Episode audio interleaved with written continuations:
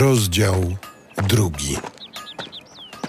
Powiedziałem sobie, niechże doświadczę radości i zażyję szczęścia.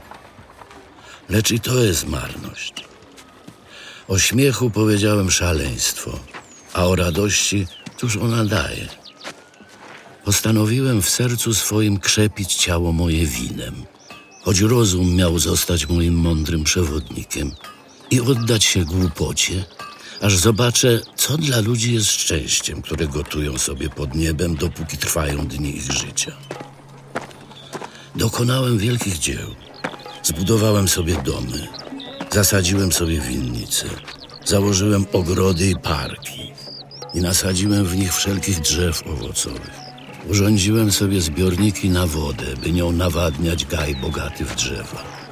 Nabyłem niewolników i niewolnice i miałem niewolników urodzonych w domu. Posiadałem też wielkie stada większego i drobnego bydła, większe niż wszyscy, co byli przede mną w Jeruzalem. Nagromadziłem też sobie srebra i złota i skarby królów i krain.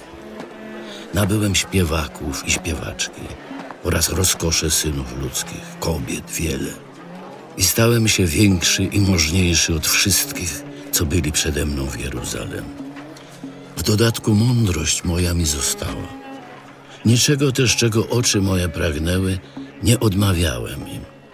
Nie wzbraniałem sercu memu żadnej radości, bo serce moje miało radość z wszelkiego mego trudu.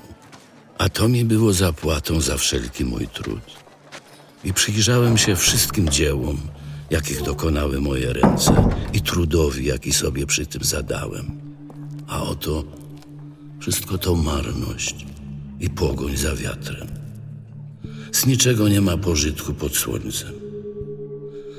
Postanowiłem przyjrzeć się mądrości, a także szaleństwu i głupocie. Bo czego jeszcze może dokonać człowiek, który nastąpi po królu nad to, czego on już dokonał? I zobaczyłem, że mądrość tak przewyższa głupotę, jak światło przewyższa ciemności. Mędrzec ma w głowie swojej oczy, a głupiec chodzi w ciemności. Ale poznałem również, że ten sam los spotyka wszystkich. Więc powiedziałem sobie, jaki los głupca, taki też mój będzie. I po cóż więc nabyłem tyle mądrości? Rzekłem przeto w sercu, że i to jest marność, bo nie ma wiecznej pamięci po mędrcu, tak samo jak i po głupcu, gdyż już w najbliższych dniach w niepamięć idzie wszystko. Czyż nie umiera mędrzec tak samo jak i głupiec? To też znienawidziłem życie, gdyż przykre mi były wszystkie sprawy, jakie się dzieją pod słońcem. O wszystko marność i pogoń za wiatrem. Znienawidziłem też wszelki swój dorobek, który zdobyłem z trudem pod słońcem, a który zostawię człowiekowi, co przyjdzie po mnie. A któż to wie, czy mądry on będzie, czy głupi? A władać on będzie całym mym dorobkiem, w który włożyłem trud swój i mądrość swoją pod słońcem. I to jest marność. Zacząłem więc ulegać zwątpieniu z powodu wszystkich trudów, jakie podjąłem pod słońcem. Jest nieraz człowiek, który w swej pracy odznacza się mądrością, wiedzą i dzielnością, a udział swój musi on oddać człowiekowi, który nie włożył w nią trudu.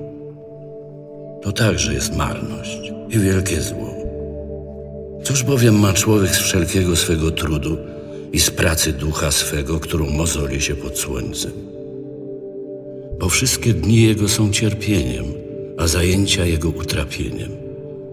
Nawet w nocy serce jego nie zazna spokoju. To także jest marność.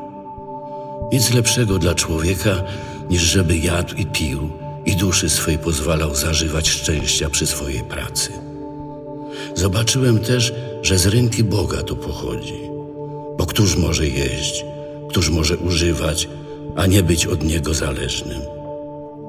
Bo człowiekowi, który mu jest miły, daje on mądrość i wiedzę i radość, a na grzesznika wkłada trud, by zbierał i gromadził i potem oddał temu, który się Bogu podoba. To też jest marność i pogoń za wiatrem.